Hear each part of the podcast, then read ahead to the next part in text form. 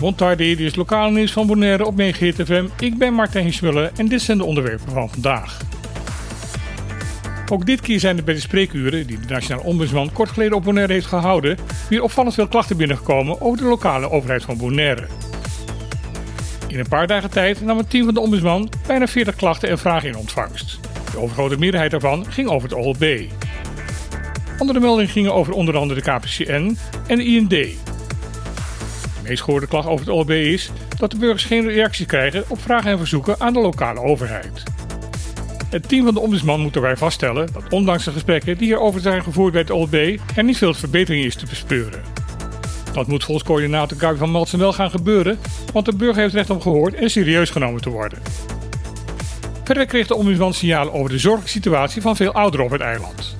Armoede en een gebrek aan voorzieningen zijn daarbij de grootste problemen. Daarbij gaven diverse ouderen aan dat zij niet kunnen beschikken over een computer of internet, waardoor de communicatie met overheidsinstanties bemoeilijkt wordt. De organisatie van de ombudsman heeft toegezegd weer met al deze klachten aan de slag te zullen gaan. Afgelopen week is er een man aangehouden door de politie waarbij wederom sprake is van overmatig drankgebruik. De man werd opgemerkt door een politiepatrouille omdat hij met zijn auto een zeer roekeloze rijstijl vertoonde. De politieagenten gaven met signalen de opdracht om te stoppen die door de man genegeerd werden. Er volgde een korte achtervolging die eindigde op het erf van de woning aan de kaai Neerlandia. De man werd door de agenten aangesproken op zijn rijgedrag en het negeren van de stoptekens en gevraagd naar een rijbewijs en verzekeringsdocumenten. De man weigerde deze te laten zien. De agenten hadden ondertussen een sterke alcoholgeur opgemerkt en wilden de man een blasters afnemen. Ook daar weigerde de man om aan mee te werken en hij werd daarbij agressief. Uiteindelijk hadden de agenten geen andere keus dan de man met gepast geweld te arresteren en mee te nemen naar het politiebureau. Daarbij werd ook de auto van de verdachte in beslag genomen. Afgelopen weekend heeft Sea Turtle Conservation Bonaire twee zeeschildpadden voorzien van satellietzenders. Dit wordt gemeld in een artikel op bonaire.nu.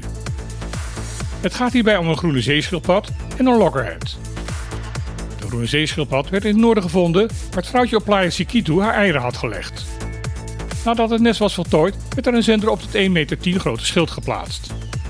De schildpad kreeg daarbij de naam Matteo.